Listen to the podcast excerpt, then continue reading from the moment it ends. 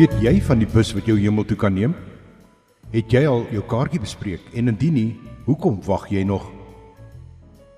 Meeste Christene is vas oortuig dat hulle ten tye van dood op pad is hemel toe, maar is dit werklik wat Skrif verkondig?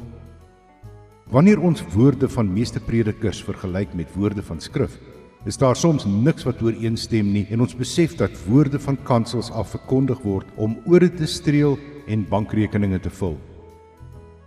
Hoe lank gaan jy nog die leuns glo wat uit kerke kom? Bespreek nou jou sitplek om elke Vrydagoggend in die bus te klim wat jou hemel toe sal neem. Of sal dit? Die bus vertrek om 9 uur.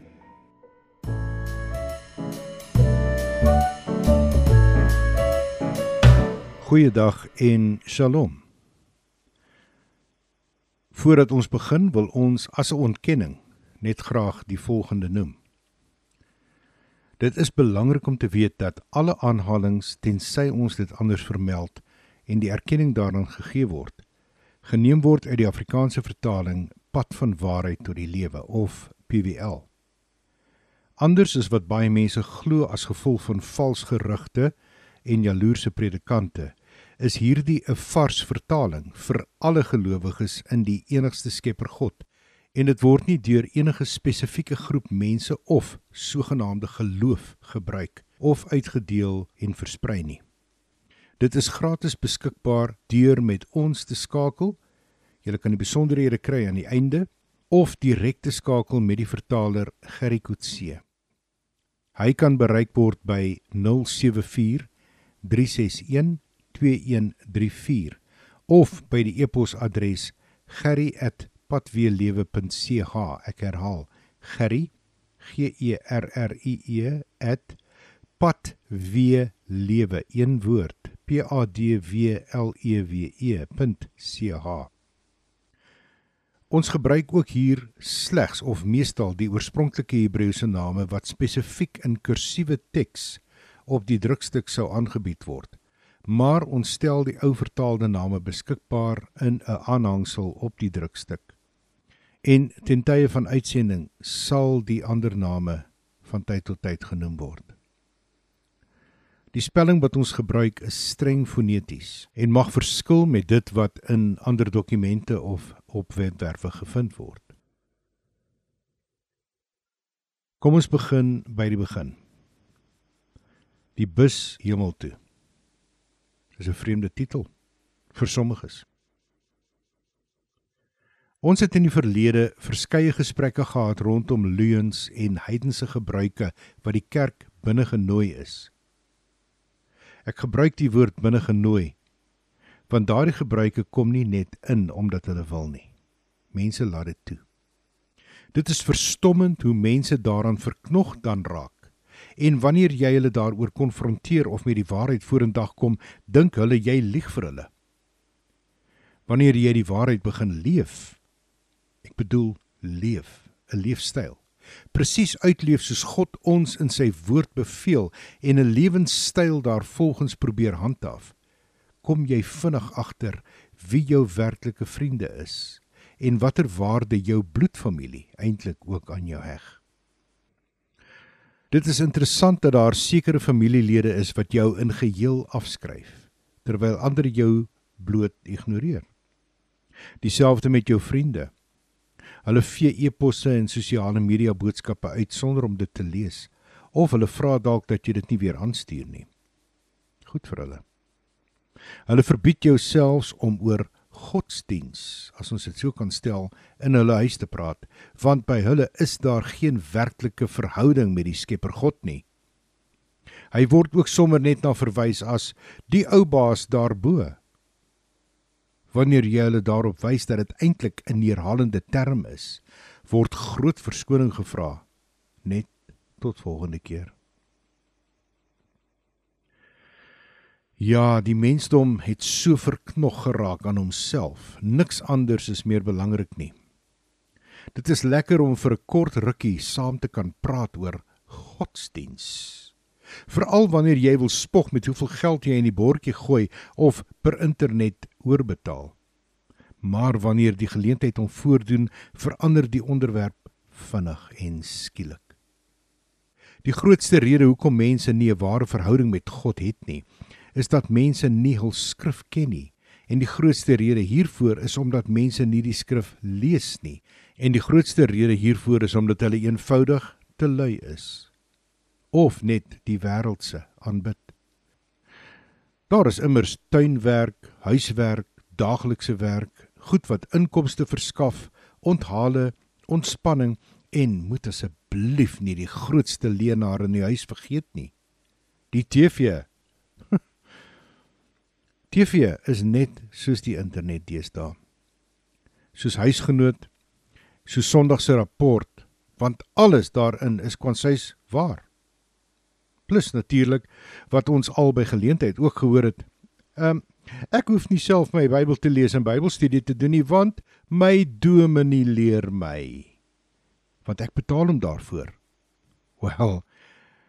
Die nadeel van 'n uitlating soos hierdie is dat jou dominee nie noodwendig alles weet nie en ook nie eendag namens jou voor Vader God se regterstoel gaan verskyn nie, want jy, my liewe vriend of vriendin, gaan self al die antwoorde moet verskaf. Het sy dit verskonings is of wat jy dit ook al wil noem. Daardie bus wat hemel toe gaan, gaan moontlike lees sitplek hê waar jou naam geskryf was. Dalk is daar nie in so 'n bus nie. So kom ons gaan kyk bietjie en stel ondersoek aan. Jy sê vir my, ek het gepraat van leuns vanuit die kerk. Kom ons bewys dit. Ja. Ons gaan dit bewys. Meeste van vandag se leuns rakende geloof of godsdiens het hulle oorsprong in die kerk gehad. Baie min mense besef dit en min mense sal dit erken wanneer hulle daaromtrent uitgevra word. Maar die meeste van die leuns waarvan ons bewus is, kom uit die plek wat ons die meeste vertrou het, die kerk. Ons het al van tevore, soos byvoorbeeld in verlede week se lering, daaroor gesels hoe dat heidense feeste soos Kersfees, Easter, Halloween en verskeie ander die kerk binnengedring het omdat hulle daarheen uitgenooi is. Nou dit is presies wat gebeur met al hierdie heidense gebruike wat ons tans in die Christenkerk vind. Jy daag ook nie net by 'n geselligheid op nie, want jy word daarheen uitgenooi. En dan wanneer jy daar is, doen jy wat die ander doen. Die meerderheid. Jy spring saam met hulle van die hoë gebou af. Mooi man. Een van die eerste leuns waarvan ons moontlik nooit sal wegkom nie, is hoe die vyand, kom ons noem dit sommer die Romeinse kerk, ons koppe gesmokkel het om dag en nagwisseling te ervaar wanneer meeste van ons slaap om middernag. Dit het gebeur lank voordat die Romeinse kerk eintlik 'n kerk in daardie sin geword het. Wat sê Vader se woord vir ons? Op hoeveel plekke sê hy dit vir ons? Een van die belangrikste verse is Vayikra 23 vers 5. Levitikus vir die onkundiges. Dan weer vers 32. Daarna lees ons dit in Bemidbar of in Numeri 9 vers 3, vers 5 en ook vers 11. Wat ons lees is en ek haal aan tussen die twee sonsondergange. Einde van aanhaling. Die tydperk tussen twee sonsondergange is 24 uur ongeveer miskien nie presies nie, maar baie baie naby. En dit is volgens God se tydsberekening. Dus is dit een dag en nag van sonsondergang tot sonsondergang en nêrens in die skrif lees ons iets van middernag in enige van hierdie verse nie. In verskeie ander verse lees ons slegs positiewe gebeure tydens sononder. Bereshit 8 vers 11. Die duif het teen sonsondergang na hom toe gekom en let op, daar was 'n groen olyfblaar in haar bek. Noag het geweet dat die water oor die aarde verminder het. Dan gaan kyk ons in Bereshit 24 vers 63. Jitskak het teen sonsondergang in die veld uitgegaan om te oordink en hy het sy oë opgeslaan en let op, daar kom kamele. Shmot 16 vers 6 sien ons Moshe en Aaron sê vir al die seuns van Israel: Teen sonsondergang sal julle weet dat Jahoua julle uit die land van Mitsraim uitgelei het. En dan die laaste een met hierdie positiewe gebeure is Melachim Alif of 1 Konings 17 vers 6. Die kraaie het in die oggend vir hom brood en vleis gebring en brood en vleis teen sonsondergang en hy het uit die spruit gedrink. Wanneer ons egter kyk na middernag in die skrif, het dit meestal te doen met afskuwelikhede of negatiewe ervarings. Ons sien in Shmot in Eksodus 11 vers 4. Moshe sê: "So sê Jahoua, omtrent middernag sal ek uitgaan oor Mitsraim." Dit is in hierdie vers wat Moshe vir die volk sê wat God vir hom gesê het. Rakende die laaste plaag waarmee God die Mitsraimiete sou tref. Volgende hoofstuk nou uh, hoofstuk 12 vers 29. Dit het gebeur om middernag dat Jehovah al die eersgeborenes in Mitsraim geslaan het. Van die eersgeborene van Farao af wat op sy troon gesit het tot by die eersgeborene van die gevangene wat nie dronk was as ook al die eersgeborenes van die diere. Dan lees ons ook in Rigters 16 vers 3. Shimshon het gelê tot middernag en teen middernag het hy opgestaan en die deure van die stadspoort en die twee deurposte gegryp en die met balke en al uitgeruk. Hulle op sy skouers gesit en opgedra na die top van die berg wat oorkant Gevon lê. Ons kyk bietjie na Job 34 vers 20. In 'n oomblik sal hy sterf en om middernag verteer word en sterf. Hy sal kragteloos gemaak word deur die Almagtige. Ons laaste voorbeeld hier is uit Rut 3 vers 8. Dit het om middernag gebeur dat die man wakker geword en geskrik het toe hy sien daar lê 'n vrou by sy voete. Sommige van julle mag dink dat hierdie dalk nie 'n negatiewe ding is nie. Maar wanneer ons dit in konteks sien, besef ons dat Ruth as 'n slegte vrou erken sou word. Sy kon 'n slegte naam gekry het indien ander mense haar gesien lê het by Boas se voete. Ons weet dat God sy maniere het en sy planne het, maar die mens bly inherënt sleg en sal altyd die slegste in ander soek omdat hulle hulle self wil verontskuldig. Ons lees dan ook rondom die dood van 'n man in 'n apostoliese skrifte en hierdie kom uit die pen van Luka in Handelinge 20 vers 7. Op die eerste dag van die week toe ons vergader het om die brood van Yeshua se herdenking te breek, het Shaul met hulle gepraat en omdat hy die volgende dag sou vertrek, het hy sy boodskap verleng tot middernag toe. Jy mag sê daar's niks negatief daaraan nie, maar kom ons luister. Vers 9. En 'n jong man met die naam van Eutychos het in die venster gesit en luister en is oorval met 'n diep slaap toe Saul nog lank gepraat het. En in sy slaap het hy vanaf die 3de verdieping geval en is dood opgetel. Waar kom die negatiewe nou uit?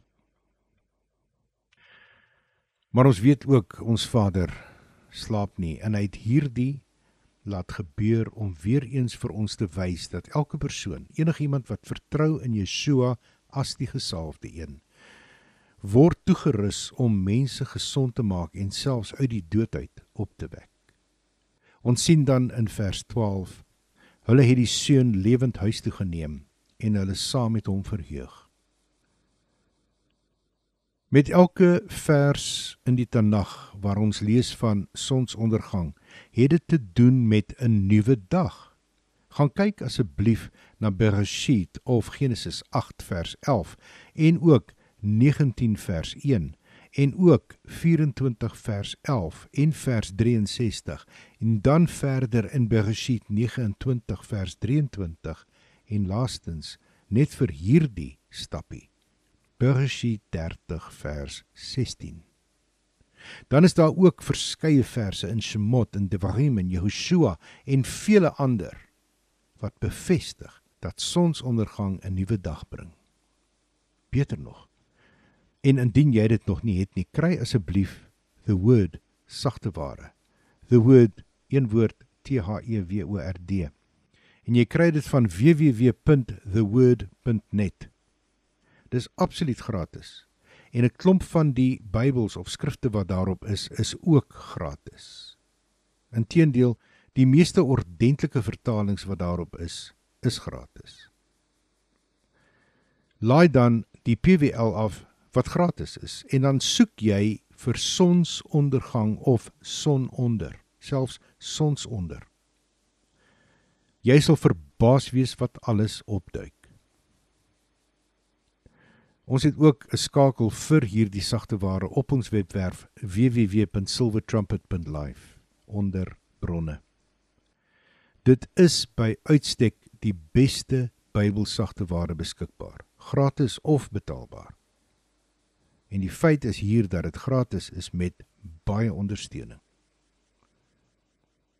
Terwyl ons gesoek het na middernag, het ons op een positiwiteit afgekom en ons sien dit in een van die mooiste psalms in skrif, een van die mooiste gedigte in skrif. Mismor 119, Psalm 119 vers 62. Daar sê Dawid: Om middernag staan ek op om U te loof met uitgestrekte hande as gevolg van U regverdige oordeele. My vraag bly: Indien Dawid op middernag sou opstaan om Vader te loof, het iets hom dalk wakker gemaak, iets wat negatief was? Volgens skrif begin en eindig 'n dag dus met sononder. Nie soos die heidense vervalsing om middernag nie. Vader het 'n dag en nag wisseling gemaak om te geniet, soos hy alles op hierdie aarde geskep het tot ons voordeel en vir ons genot. Geen skilder, geen kameraman, geen fotograaf, geen kunstenaar van watter aard kan ooit die perfekte sonsondergang op doek of op film vas lê nie. Dit mag dalk baie naby kom, ja, ek stem saam. Maar dit is nie die werklikheid nie. Dit wat jy met jou eie oë, met jou eie sintuie kan ervaar, is baie beter as die kunste wat mense vas lê op watter media ook al. God het elke ding vir ons geskep om te geniet. Het sy dit deur ons reuk, smaak, sug, gehoor of gevoel is. Dit is absurd om 'n dagwisseling te hê wat jy nie kan geniet nie en tipies van die vyand om alle genotvolle dinge te wil wegsteek of te verbloem of net eenvoudig daaromtrent te lieg. Blomme het nie kleure om bye te lok nie, want bye is kleurblind. Blomme het kleure sodat God dit kan geniet en sodat ons dit kan geniet en waardeer. Dieselfde is ook waar vir elke ander ding wat Vader God geskep het. Rose ruik nie lekker sodat jy jou vriendin of jou vrou of jou moeder kan beïndruk nie dit ruik lekker sodat mense dit kan geniet. Soortgelyk geniet ons 'n goeie bord kos nie net vir hoe dit mag proe nie, maar ook hoe dit lyk en ruik. Julle mag verbaas wees daaroor, maar ons eet eintlik heel eerste met ons neus. Daarna met ons oë en ten laaste bevestig die tong dat die ander organe nog in goeie toestand reg funksioneer. Die dagwisseling is deur die vyand verskuif om net soos al die ander leuns wat ons nog gaan bestudeer te probeer om Vader God uit die kwotasie te haal om hom of heeltemal uit te haal of hom te minimaliseer want volgens die vyand Hoe minder die mens met God te doen het, hoe meer aandag kan hy aan snert bestee en dan kan hy sy tyd op ander dinge mors. Sodat daar geen tyd is om skrifstudie te doen nie, selfs dalk nie eens tyd net om 'n Bybel oop te maak en te lees nie. Ons sal in verdere aanbiedinge stil staan by ander aspekte van hoe daar ook met tyd gepeuter is in terme van die kalender. Maar vir nou is dit genoeg om jouself te begin instel om te weet dat 'n dag, soos wat ons dit noem, en wat ook die nag insluit, teen sononder begin. Hier kom nou die mees verwarrende deel. In die westerse beskawing is ons geleer of eintlik belieg dan om te praat van Sondagoggend, Sondagmiddag, Sondagaand, gevolg deur Maandagoggend, Maandagmiddag en so voort. Maar aangesien ons nou geleer het dat die dag teen sononder begin, behoort ons eintlik te praat van Sondagaand, Sondagoggend, Sondagmiddag, gevolg deur Maandagaand, Maandagoggend, Maandagmiddag, gevolg deur Dinsdagaand en so voort. Ek stem saam. Wanneer 'n mens hierdie geheimenisse ontdek, dan krap dit so 'n bietjie met die grys massa tussen die ore, né? Die kans is goed dat ons nooit eens in gelowiges al hierdie kopskuive of soos die Engelsman dit noem paradigm shifts gaan kry nie, want as meeste gelowiges en ek sluit myself daarbey in, dit moeilik vind om sekere terme in skrif te verwerk en verkeerdhede te kan regstel wat nog te meer van iets waaraan ons onsself elke dag blootstel. Goed wat op 'n kalender vir jou gewys word soos die spesifieke dele van 'n dag. Daarteenoor sit jy met selfone, met rekenaars, met ander toerusting wat dit nie doen soos Vader God beplan het nie, want hulle word geprogrammeer volgens die duiwelse, heidense, sataniese wêreldse stelsel. Daar is egter niks verkeerd daarmee om dit te probeer nie. Ek weet selfs tot op hede praat die Jode van Erev Shabbat soos wat ons nou sal ken as Vrydag aand. Nou gaan slaap jy na Vrydag aand en dan in die oggend wanneer jy wakker word, is dit skielik Shabbat. maar jy het die vorige aand gepraat van Erev Shabbat. Dit was toe al reeds die aand van Shabbat. So die aand van Sabbat word gevolg deur die oggend nadat jy geslaap het, dan kom die middag. Wanneer die son sak, begin die nuwe dag, Yom Rishon, die eerste dag, Sondag. So die Jode is in geheel daarmee vertroud en ons kan probeer. Nog 'n leuen waarmee die kerk vorendag gekom het. En ek gaan nie name noem of vingers wys nie. Is dat ons van kindsbeen af grootgemaak is om te verstaan dat elke persoon aan 'n spesifieke geloof of dan 'n geloofsgroep behoort.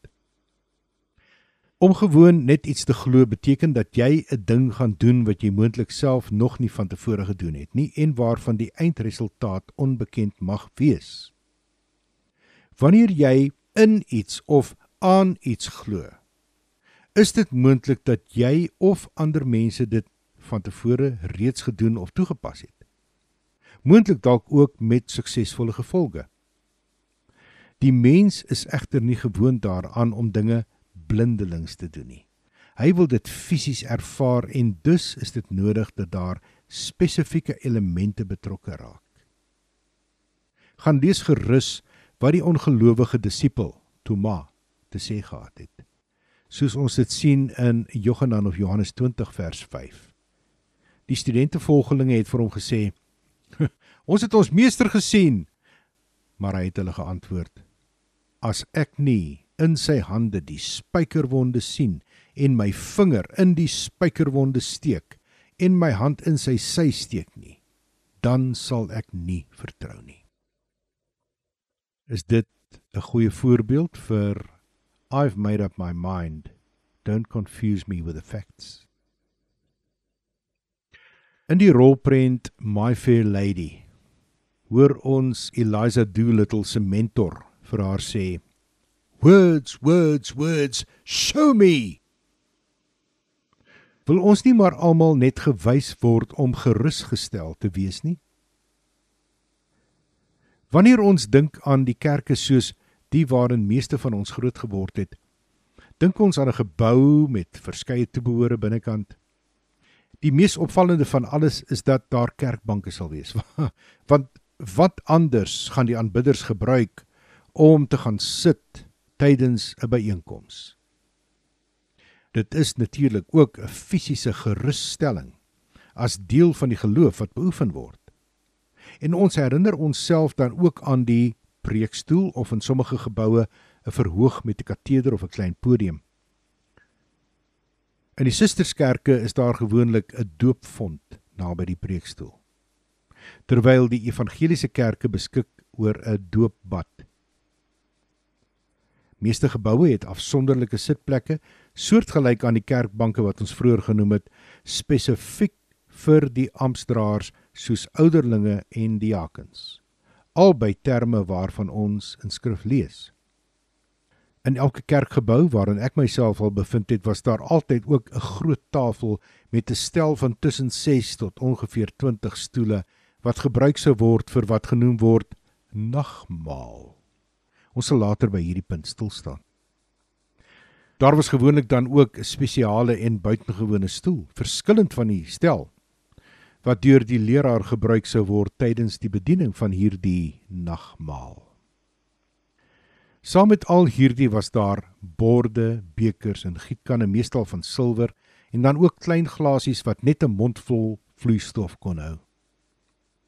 Sommige kerke sou nog kersse en ander toehoorsels ook byvoeg en al hierdie dinge gaan ons in latere episodes in latere uitgawes bespreek. In die wil van Vader. Die mens wat sy geloof beoefen het dus 'n bymekaar kom plek nodig sodat hy of sy op 'n spesifieke dag en tyd byeen kan kom om eer en lof te bring aan een of ander entiteit wat hy aanbid. Het sy dit nou die Skepper God is of dalk een van die duisende gode soos ons in vele ander gelowe vind. Elke geloof het dan ook sy eie rituele wat gevolg word om tydens hierdie byeenkomste uit te trap. Sommige van hierdie byeenkomste kan tot soveel as 6 ure duur, terwyl ander binne 60 minute afgehandel is finished done. Die onsekerheid wat ek hier ervaar oor die tydsduur is of dit die eienskappe en vermoëns van die entiteite wat aanbid word of dalk die opregtheid van die aanbidders. My mening is dat dit behoort eintlik die eerste een te wees. Die vermoëns van die entiteit. Dus, hoe beter die eienskappe en vermoëns van die entiteit wat aanbid word, hoe langer behoort die aanbidding te wees. Indien dit dan op hierdie wyse toegepas word, beteken dit dat die entiteit wat tydens die byeenkoms aanbid word wat vir 1 uur duur, baie minder waardig is in vergelyking met die entiteit wat vir 6 ure aanbid word. Dit verbaas my egter dat die korter byeenkoms klaarblyklik gewoonlik gebring sou word vir die God wat hemele en aarde geskape het terwyl die langer byeenkomste gewy word aan afgode wat strek tot diep in die duisende. Is die tydsduur dalk juis om al hierdie gode persoonlik te gaan groet? Nou het ek twee vrae rondom hierdie aspekte wat ons net genoem het. Eerstens, Wie of watter God het hierdie byeenkomste ingestel? Indien jy sou antwoord dat die Skepper God van hemel en aarde dit ingestel het, skaar jy jouself by een van 3 baie belangrike groepe. Of die Jode, of die Moslems, of die Christene. Sou jy antwoord dat dit die Jode of die Moslems moet wees? Kan jy nou maar aangaan na die volgende gedeelte en die res wat ons nou hier gaan doen uitlaat. Of jy kan jou ore toemaak vir 'n rukkie. Maar nou kom ons by die tweede vraag. Want indien jy sou sê dat jy jouself as 'n Christen beskou het ek weer eens 'n vraag of twee. Die eerste vraag vir jou as Christen. Jy sê die byeenkoms wat jy bywoon is ingestel deur die Skepper God. Jy's korrek. Maar ek wil nou graag weet waar het hy dit ingestel? Op verskeie plekke waar ek hierdie vraag gevra het, het die meeste mense hulle hande opgesteek en gesê in Handelinge 2. En ek is jammer vir jou, dit was nie in Handelinge 2 nie. Maar wel in Smot in Eksodus 19. Want wat hy daar ingestel het is in geheel iets anders as dit wat die wat die wat die Christen van vandag doen. En ons gaan weer dit later bespreek. Miskien nie in hierdie uitgawe nie, maar een van die volgendes. Hou in gedagte asseblief dat dit nie 'n godsdiens of geloof is wat God ingestel het nie. Hy het dit nie ingestel in Shemot 19 of in Handelinge 2 of enige plek anders nie, maar God het 'n lewenstyl ingestel. Geen geloof nie. En dit gaan ons net nou bekyk. My tweede vraag vir jou as Christen voordat ons by die ander tweede punt kom hierdie God wat die byeenkoms ingestel het, indien hy dan die Skepper God is en die reëls gemaak het vir sy byeenkomste. Waar en wanneer het daardie reëls verander en wie het dit verander? Hoekom hou jy as Christen kerk op 'n dag wat God nie vasgestel het nie en ook op 'n manier wat nie volgens sy vereistes is nie? Ons sal bietjie net nou in detail al hierdie dinge uitklaar. Want dit is belangrik dat jy dit weet. Ons kom nou ook by die tweede punt dan ten opsigte van wat ons net nou gesê het oor rituele. Jy sal heel moontlik saam met my stem dat die items waarvan ons vroeër melding gemaak het redelik in die kol was. Ons lees in die skrif rakende die tabernakel soos Moshe gesien, die bloudrukplan van gekry en toe gebou het. Alhoewel hy nie alles self fisies gebou het nie, is alles aan hom toegeskryf omdat hy die opdrag van God ontvang en deurgesien het. Hy was, kom ons noem dit, die projekbestuurder. Wanneer die tabernakel voltooi is, sien ons in Shmot 39 verse 42 en 43.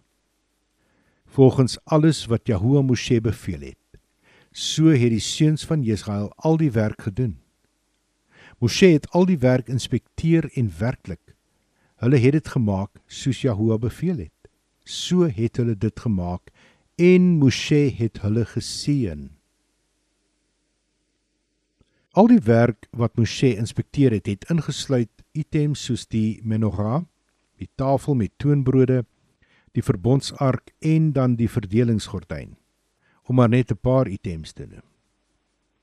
Dit is vreemd dat hierdie God waarvan jy praat, ander items sou toelaat in sy bymekaar kom plekke as wat in skrif vir ons gegee word, terwyl sommige items dan weggelaat word. Ek wil aanraai, liewe vriend of vriendin, jy moet gaan seker maak jy is by die regte plek. Want dit is moontlik dat iemand jou gehijack het of dat jy verdwaal het. Indien jy glo dat jy wel by die regte plek is, het ek nie baie goeie nuus vir jou nie want jy gaan vir ten minste twee redes die Skepper God nie in daardie plek kry nie. Die eerste rede is dat jy moontlik op die verkeerde dag daar is. 'n dag waarop hy nie met jou of enigiemand anders 'n afspraak gemaak het nie. En die tweede rede is dat jy nie die regte items by jou het vir die rituele wat hy ingestel het nie.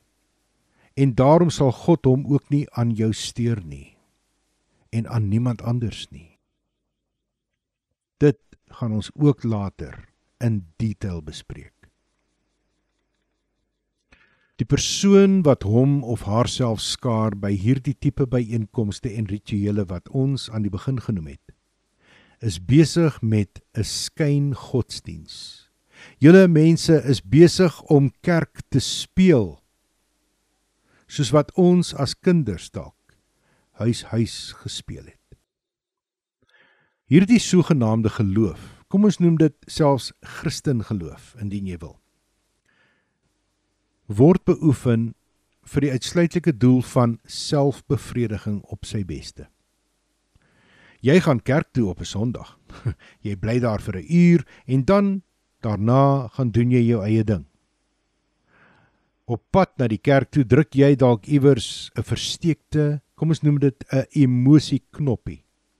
Sodat jy jou modus of jou tipe menswees of jou gewoonte kan verander van huis of werkmens na kerkmens. Meeste van daardie knoppies het 'n outomatiese herstelmeganisme wat na 60 minute terugskakel om die vorige gereelde gebruiker en maniere in te bring. Jy kan dus baie goed vertoon voor ander terwyl jy by die kerk is, maar sodra die prediker sy laaste amen uitspreek, verdwyn daardie vroomheid en dan kom die ware jy na vore. Op 'n soortgelyke manier skakel jy daardie geloof aan en af soos en wanneer dit jou pas. Woensdag aand is daar bidtuur en dan indien jy tyd het om te gaan of dalk 'n skuldige gewete jou jag, kan botter nie in jou mond smelt tydens die bidtuur nie. Maar die volgende aand is jy in die kroeg saam met 'n klompie vriende om die aankoms van 'n nuwe baba of iemand se bevordering te vier. En dis die een skurwe grap en ander vuillede na die ander. Ons praat nie eens van al die skinder wat tussenin gebeur nie. Want gewoonlik van mense wat juis die lewe lei soos God self vir ons in skrif leer om te doen. My liewe vriend vriendin. Dit wat jy beoefen as Christen is inderdaad net 'n geloof. Dis 'n snel rad en miskien het dit nog 'n turbo ook daarbey. Wanneer jy 'n vorm moet voltooi vir watter rede ook al, sal jy die woord Christen invul waar dit vra wat jou geloof is. Jy sal ook baie maklik tydens 'n sensusopname daaroor spog dat jy 'n Christen is. Is dit dalk omdat jy in 'n huis gebore is waar jou ouers Christene was of hulle as sulks voorgedoen het? Miskien mag dit wees dat jy dalk skaam sou kry om te sê dat jy die Mohammedaanse of die Hindu geloof aangeneem het. Wanneer iemand langs 'n volstasie gebore word, maak dit hom nie 'n pompjoggie nie. Hoe dit ook al sê, indien jy jouself wil voordoen as 'n Christen, het jy baie lees en verstaan werk om te doen. Die alternatief natuurlik is dat jy jouself iets anders noem. Want terwyl jy jouself 'n Christen noem, maak jy 'n bespotting van die Skepper God wat jy kwansuis aanbid indien jy helfte van sy reëls nakom en die ander helfte oorboord gooi omdat dit nou kwansuis nie by jou lewenstyl inpas nie. Jahoua, die Skepper God, word op geen maar geen ander manier aanbid nie as volgens die reëls en die verordeninge wat hy daar gestel het. Ons gaan later bietjie praat oor vertalings en soos ek dit noem verkragtings.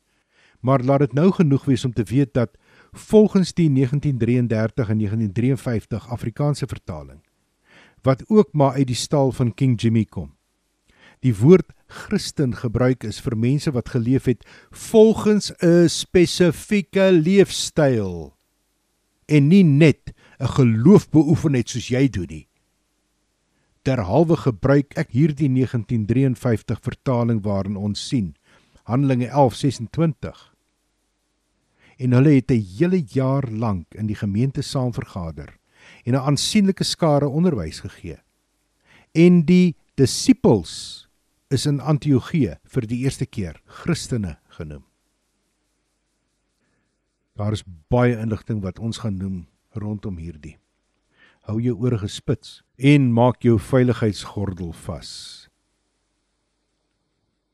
Ignoreer vir nou die eerste deel van hierdie vers en kyk wat sien ons in die tweede deel.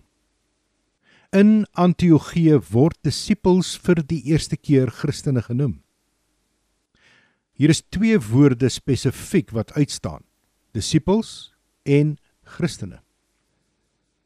Die woord Christen is afgelei van die Griekse woord Christianos wat bloot die vertaling is van die woord gesalfde. Iemand wat met olie gesalf word om 'n bepaalde taak te verrig. Vir etlike jare voor die geboorte van Yeshua het baie wysgeere die gesalfde een, die werklike Messias, verwag uit profeseë wat hulle gelees het uit die Tanag dalk beter bekend vir sommige mense as die Ou Testament. Bietjie meer later daaroor ook. Tydens Yeshua se bediening op aarde het hy baie volgelinge opgebou en is ook deur baie mense beskou as die Messias wat sou kom. God se seun, ons redding. Verskeie mense het Yeshua nagevolg en die goeie boodskap het nie net in die land van Israel gebly nie. Alhoewel die Romeine op daardie stadium in beheer was van die land, het Grieks baie prominent uitgestaan, nie net as 'n taal nie, maar ook in kultuur. Anders as in ons moderne samelewing het meeste mense bly woon waar hulle gebore is. Dit was baie weinig dat mense sou emigreer of hulle geboortedorp of selfs geboorteland verlaat vir 'n ander. Dit was dus noodsaaklik vir die ware gelowiges en volgelinge van Yeshua, die disippels, om die goeie nuus te gaan verkondig so ver moontlik. Dit was immers ook 'n opdrag van Yeshua, soos ons sien onder andere in Matteus 28 vers 19 en in Lukas 24 vers 47. Maar ons gaan lees hierdie opdrag wat ons sien in Markus 16 vers 15. En hy het vir hulle gesê: gaan die hele wêreld in en verkondig die evangelie aan die ganse mensdom. Die ware navolgers het gedoen wat Yeshua hulle beveel het en dit is die ander woord waarna ons net nou verwys het. Disipel. Terwyl dit na 'n mooi woord mag klink, is dit baie duidelik 'n woord wat min mense ten volle verstaan. Yeshua het nie disippels gehad wat sy vuil werk indien daar iets sou wees soos dit vir hom gedoen het nie. Dit is nie wat 'n disipel doen nie. 'n Disipel is 'n student en word gekies deur 'n leermeester. Die woord disipel is afgelei vanuit die Latyn discipulus wat eenvoudig net leerder beteken. Hierdie leerder is egter meer as iemand wat net inligting versamel. 'n Ware disipel is iemand wat poog om in alles soos sy leermeester te wees. Hy leer om te loop, te praat, aan te trek, te eet en te klink soos sy leermeester. Hy, saam met die ander, probeer selfs om in dieselfde vertrek te slaap sodat daar niks is wat hulle aandag mis nie aangaande hulle leermeester se doen en late. Genoeg dan ook om te sê dat die navolging van 'n disipel vir sy leermeester slegs stop by die deur van die toilet. 'n Leermeester het rondgegaan en verneem na briljante leerders en daaruit het hy dan sy keuse gemaak van wie hy wou hê as disippels of navolgers of studente. Derhalwe is die woord dan ook vervang in die PWL vertaling wat ons meerendeels gebruik met studentevolgeling. Iets wat baie meer beskrywend is en ook meer inherent aan ons eie taal. Baie lank voor Yeshua se bediening het leermeesters sommige studente uitgesonder om hulle op te lei as navolgers en dan uiteindelik ook weer as leermeesters. Die gebruik deur die Hebreërs of Jode was nog altyd om hul kinders letterlik van geboorte af die afgesonderde skrif te leer.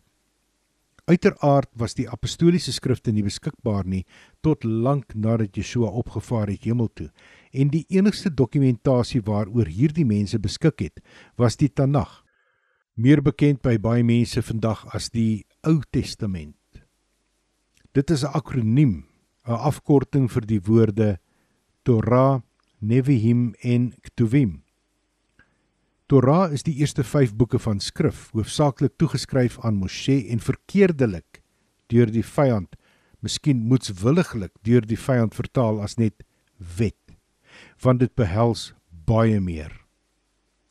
Neviim is die meervoudsvorm van Navi wat vertaal word as profeet.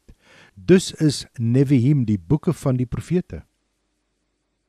Ketuvim is die meervoud van Ketuv wat vertaal word as skryf of skrif.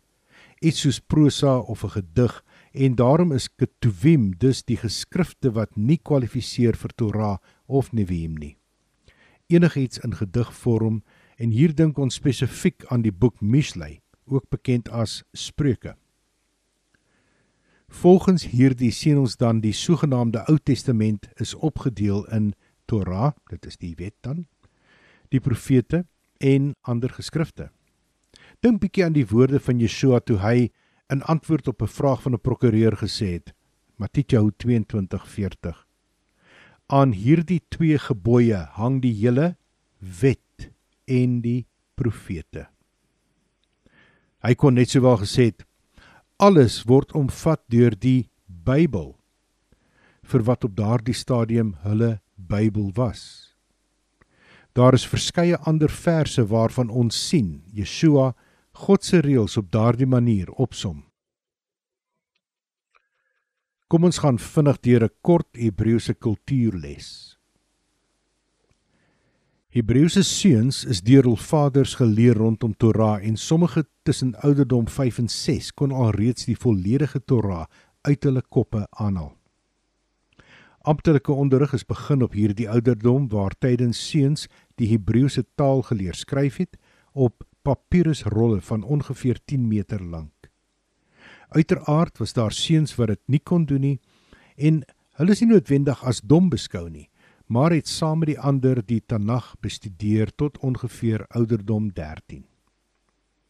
Teen daardie tyd was seuns as volwasse beskou en 'n ritueel wat later ontstaan het genaamd bar mitzwa wat vertaal word as seun van die gebod is dan gereël waar tydens die seun sy kindskap verwelroep en die volwasse wêreld amptelik betree. Hy kon dan kies om verder te leer in Torah of saam met sy pa of ander familielede te gaan werk in wat gewoonlik 'n familiebesigheid was. Daar was ongeveer 200 verskillende beroepe in daardie tyd waaroor ons nie op hierdie stadium sal uitwy nie. Die seun van 13 was dan ook as ryp genoeg beskou om te trou. En dit is ook iets wat ons later in detail sal bespreek. Hebreëse dogters is meestal net uit die geskrifte geleer deur hulle moeders. Dit was meestal Tehillim, ook bekend as psalms, maar soms is ander geskrifte ook ingebring soos Mishlei, lied van liedere Ruth en Esther. Wanneer 'n dogter ouderdom 12 jaar bereik het, is sy gesien as volwasse. Terwyl daar in daardie jare nie noodwendig enige bohaai van gemaak is soos met die seuns nie, is sy nogtans as huwbaar beskou en sou dan hoofsaaklik trou met die man van haar ouers se keuse of haar eie keuse indien haar ouers sou toestem. Sy het egter nooit 'n keuse gehad rondom verdere opleiding van enige aard nie en sou dan weer haar rol vertolk as moeder en onderrigting van haar kinders, veral haar dogters. Die seun wat gekies het om verder te gaan met bestudering van Torah is na 'n yeshiva of 'n Torah skool of alternatief na 'n bet midrash, 'n huis van studie gestuur. Hierdie sou die kaf van die koring skei wanneer sommige leerders sou uitblink en ander gewoon sou aangaan tot ongeveer ouderdom 18 indien hulle nie vroeër tou opgegooi het en teruggegaan het na die familiebesigheid nie. Dit was egter alreeds 'n prestasie net om toegelaat te word om met hulle studies voort te gaan na puberteit aan die einde van daardie tydperk van ongeveer 5 jaar sou so 'n jong man aansluit dalk by 'n yeshiva of 'n bet midrash om ondervinding op te doen as leermeester. Teen ouderdom 30 was hierdie jong man dan ook bekwaam genoeg om beskou te word as 'n leermeester. Hy sal ook dan uitgaan en jong seuns uitkies om Torah in sy eie yeshiva of die een waarvoor hy gewerk het of dan in 'n Bet Midrash te laat kom studeer. Dit is egter ook waar dat baie jong manne reeds vroeg uitgeval het of net gekies het om saam met hulle vaders en ander familie te gaan werk. Leermeesters was dus in die minderheid. Die term studentevolgeling behoort nou ook beter verstaan te word. Genoeg vir die kultuurles, so kom ons gaan terug na die toekoms van 2000 jaar gelede. Johanan, die doper, was 'n leermeester soos ons hierbo beskryf het. Dit word nie pertinent genoem hoeveel nie. En daar is geen ander bronne waar ons kan uitvind nie, maar hy het 'n klompie studente volgelinge gehad. Dit was niks buitengewoon nie om 'n jong man te sien met 'n klompie seuns wat agter hom aanloop en dit kan ook vergelyk word met 'n moderne klas waar 'n uitstappie gereël word na die plaaslike dieretuin of planetarium. Die lewe van hierdie seuns was egter toegespits daarop om nooit sonder hulle leermeester te wees of uit sy teenwoordigheid te wees nie. Ons weet dat minstens 2 van Johanan se Talmidim, dit is die Hebreëse woord vir studentevolgeling of disipel, hom gelos het om agter Yeshua aan te gaan. En ons sien dit in Johannes 1 vanaf vers 35 en so 'n paar versies verder. Op 'n ander dag het Johanan weer daar gestaan met twee van sy studente volgelinge en hy sien Yeshua loop en sê: "Let op, die lam van God." Die twee studente volgelinge het hom dit hoor sê en Yeshua gevolg. Yeshua het omgedraai en hulle gesien wat hom volg en hy vra vir hulle: "Wat soek julle?" Hulle antwoord hom: "Leermeester, waar is u tuis?" Hy sê vir hulle: "Kom kyk." Hulle het gegaan en gesien waar hy bly en die dag by hom gebly. Dit was omtrent die 10de uur in ons tyd ongeveer 16 uur. Uiteraard het studente volgelinge altyd die beste leermeester gesoek en dit was ook nie ongewoon om een te los en by 'n ander een aan te sluit nie, soos ons nou net gelees het. Twee van die beste leermeesters waarvan ons weet gedurende die tyd van Yeshua was Hillel en sy kleinseun Gamliel of Gamaliel.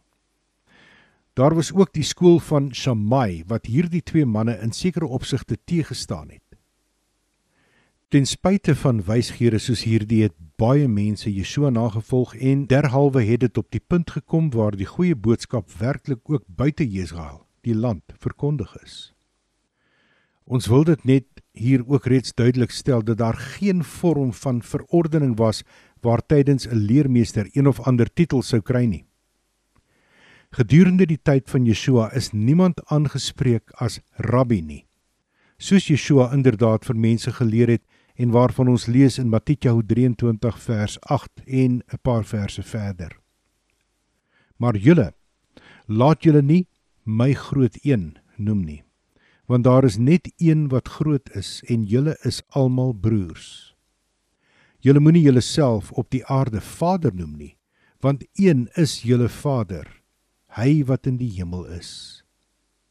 Julle moet julle ook nie leiers laat noem nie, want een is julle leier, die gesalfde een. Hy wat groot is onder julle moet julle dienskneg wees en enige een wat homself verhoog sal verneder word en wie homself verneder sal verhoog word. Dis hier amper waar ek vir die katolieke wil sê, nou maak kry vir jou. Vader. Wanneer ons in Johannes 20 lees van Miriam wat Yeshua aanspreek as Rabuli, of so sommige vertalings dit het as Rabbuni. Beteken dit slegs en word dit dan ook vertaal as my leermeester.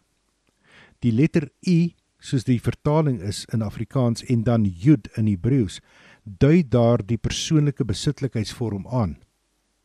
Dit is daarom dan duidelik dat selfs Yeshua nie eens aangespreek is as rabbi nie. Hierdie gebruik van titels het baie jare later ontstaan en tot vandag toe word dit tot vervelings toe misbruik. Ek is mevrou dokter. Bid jou dit aan. Nou is ons terug by dit waarvan ons gelees het vroeër, waar navolgelinge van Yeshua die benaming Christen ontvang het. Daar is sommige mense wat beweer dat dit meer 'n spotnaam sou wees om hierdie mense te terg oor hulle beheptheid met Yeshua. Ongeag of dit ernstig bedoel was of 'n spotnaam, mense wat Yeshua gevolg het, het vermeerder as gevolg van die goeie boodskap wat uitgegaan het.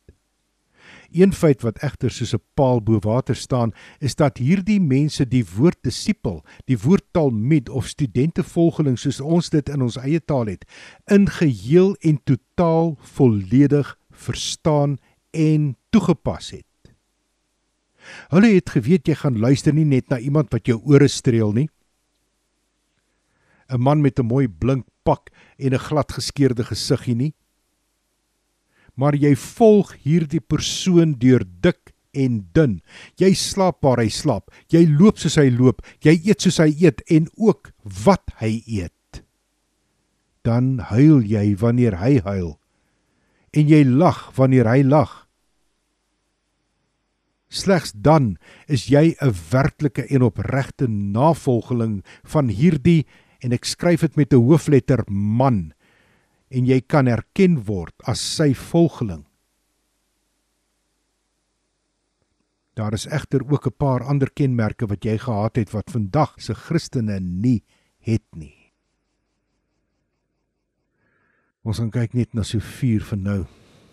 Is genoeg om van siek te word. Jy het al die reëls gevolg wat Torah voorskryf, insluitend al 10 en nie net 8 of 9 woorde of dan gebooie gehou nie. Jy het Vader se eetreëls gevolg soos hy dit vir ons gee in Vayikra 11 en Devarim 14. Selfs tot soveel as 15 tot 20 jaar na Yeshua se hemelvaart, soos ons sien by Kefa en die visioen van onrein diere in Handelinge 10. Jy het Torah bestudeer sodat jy afgesonderd kon wees. Omdat God afgesonderd is en jy wil graag lyk en leef soos hy. Soos hy jou geskape het waarvan ons lees in Bereshit 1 verse 26 en 27. Laastens het jy geleer wat Vader God se karakter en autoriteit is, want slegs dan kan jy hom tevrede stel in alles wat jy doen. Ek wil vir jou 'n vraag vra. Jy's 'n man wat getroud is en jy's baie lief vir jou vrou. Of jy's 'n vrou wat getroud is en jy's baie lief vir jou man. Maar jy weet waarvan jou wederhelf hou. Jy weet wat hulle gelukkig maak. En in hierdie voorbeeld hou hulle nie van slange nie. Maar vir die volgende verjaardagpartytjie gaan koop jy 'n mooi groot boks. En jy sit 'n vieslike pofadder daarin en jy maak hierdie boks mooi toe met papier. Want jy wil nou graag jou wederhelf verras met 'n lieflike verjaardaggeskenk. Kyk hoe mooi lyk dit. My gunsteling kleur papier met 'n mooi strukkie en 'n pragtige kaartjie, my eie handskrif daarop geskryf. En jy kan nie wag dat jy wederhelf hierdie pakkie, hierdie boksie oopmaak nie. En dan wanneer die boks oopgemaak word, is die slang daarin. Is dit wat jy met God se woord doen? Die enigste manier waarop ons Vader God tevrede kan stel is om te leef volgens die skrif wat hy vir ons gegee het. Terwyl geloof aan en af geskakel kan word soos ons vroeër genoem het, kan ons dit nie na willekeur doen wanneer ons die korrekte lewenstyl of lewenswyse handhaaf nie. Onthou dan ook dat hierdie sogenaamde geloof as ons dit sou wil noem, nie aan jou opgedring is nie. Jy het dit gaan soek en toe het jy dit jou eie gemaak. Jy kan nooit skrif verander om by jou aan te pas nie. Jy moet verander om by skrif aan te pas. Jy het 'n verdomde vermetelheid om te dink dat God by jou moet aanpas in steede van jy by hom. Die taal waarin die oorspronklike skrif geskryf is, is nie jou moedertaal nie. Dus moet jy 'n vertaling of soos ons dit soms noem, 'n verkrachting lees om iets van die oorspronklike te probeer verstaan. Hierdie lewenswyse is dus 'n pad wat jy loop in die voetspore van jou verlossing wat namens jou sondes aan 'n folterpaal gesterf het. Alles in ons lewens werk op dieselfde manier met 'n pad, soms kort, soms lank. Soms moeilik, soms maklik. Maar ons begin by 'n punt en ons gaan na een of ander bestemming toe. Miskien ons huise, na ons werk, na ons skool, na ons plek van ontspanning. En op 'n soortgelyke wyse loop ons ook 'n pad met Yeshua na God toe. Mense wat nie weermagopleiding gehad het of vertroud is met sekere prinsipe daar nie, mag hierdie nie verstaan nie. So ek gaan mooi probeer verduidelik. Kortliks. In operasionele gebiede waar landmyne aan die orde van die dag was, het spesiale patrollies uitgegaan om dit te gaan soek sodat hulle dit onskadelik kon stel of indien dit moontlik was in geheel te verwyder. 'n Vrywilliger is dan daarna uitgestuur om deur die landmyngebied te loop en te verseker dat dit veilig is. Wanneer die vrywilliger veilig aan die ander kant uitgekom het, het al die troepe gevolg en stap vir stap, letterlik in die voetspore van hierdie vrywilliger, tree vir tree, deur die gebied geloop om sodoende ook veilig anderkant uit te kom. 'n Misstap kon dalk 'n vergete of 'n nie uitgekende landmyn laat ontplof en die gevolge is nie aangenaam nie. Yeshua is ons vrywilliger. As ons dit met eerbied sou kan stel, want al wat ons nou moet doen is om tree vir tree te loop in die pad van waarheid, soos hy dit vir ons kom wys het.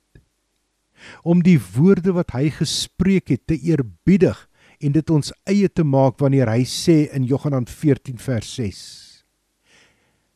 Ek is onveranderlik dieselfde die pad, die waarheid en die lewe. Niemand gaan na my Vader toe nie behalwe deur my. Stel jouself voor dat Vader God op 'n troon sit wat jy en ek moet nader. Ons is op pad daarheen.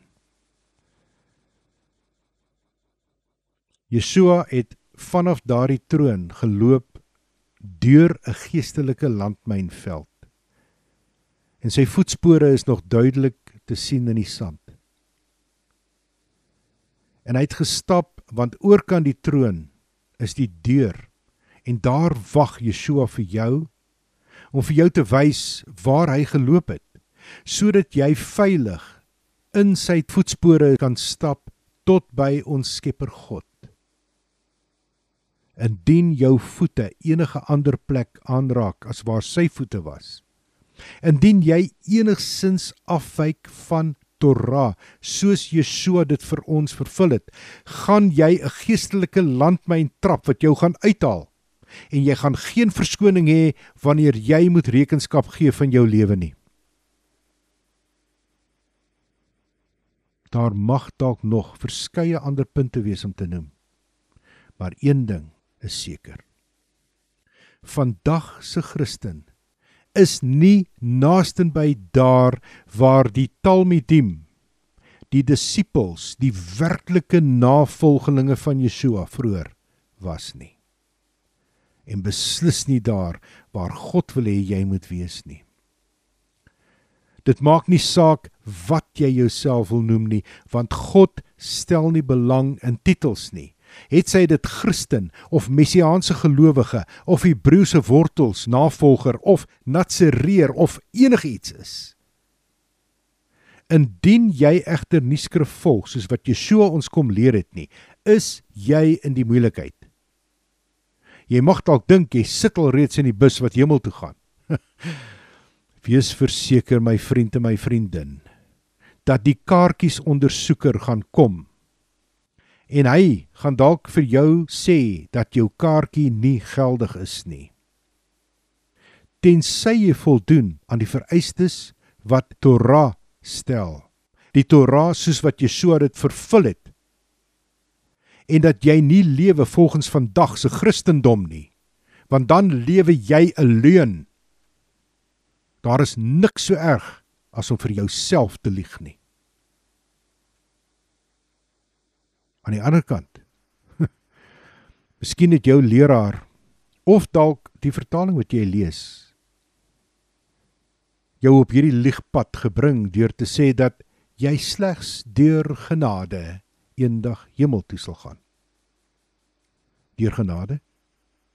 Is dit in skrif so opgeteken? Ons gaan volgende keer daarna kyk en nog meer. Geseënde week en Shabbat Shalom. Kom ons buig ons harte voor God. Ewige Skepper God, daar is geen een van ons wat op enige manier perfek is nie.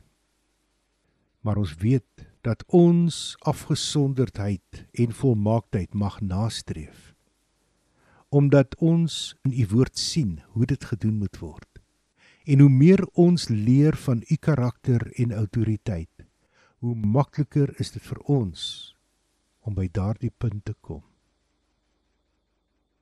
Dankie vir inligting wat u ons gee rondom verskeie aspekte. Aspekte wat u tevrede stel oor hoe ons dit doen, maar ook aspekte wat u hartseer maak. Aspekte wat veroorsaak dat 'n traan oor u wang buggel. Wanneer u aan spesifieke mense dink. Dalk aan my. Daarom is dit vir ons so belangrik dat ons weet dat die pad wat ons loop die pad is wat u wil hê ons moet loop u het my uitgekies ek weet dit ek besef dit Maar ek het 'n keuse gehad om te sê nee, ek wil dit nie aanvaar nie. En toe ek u uitgekies het, het ek ook u woord gekies, u reëls gekies en alles wat dit behels. Ek kan nie uit daardie reëls goed gaan kies wat my nie gelukkig maak nie. En dit los. Want dit gaan nie oor my nie, dit gaan oor u en daarom moet ek al die reëls wat U vir ons gee slaafs navolg. Slaafs soos in die slaaf van Yeshua. Soos hy ons kom leer het mag U ons daarom lei Vader dat ons op elke manier moontlik besef hoe ons lewe en hoe ons U tevrede moet stel. En dat dit wat ons doen vir elkeen van ons 'n persoonlike refleksie kan wees waar ons onsself in die spieël kan sien en sê ek is nog nie daar nie maar ek gaan probeer. Ons gee aan U lof en eer en ons sien uit na 'n wonderlike en 'n geseënde Sabbat. Amen. thank you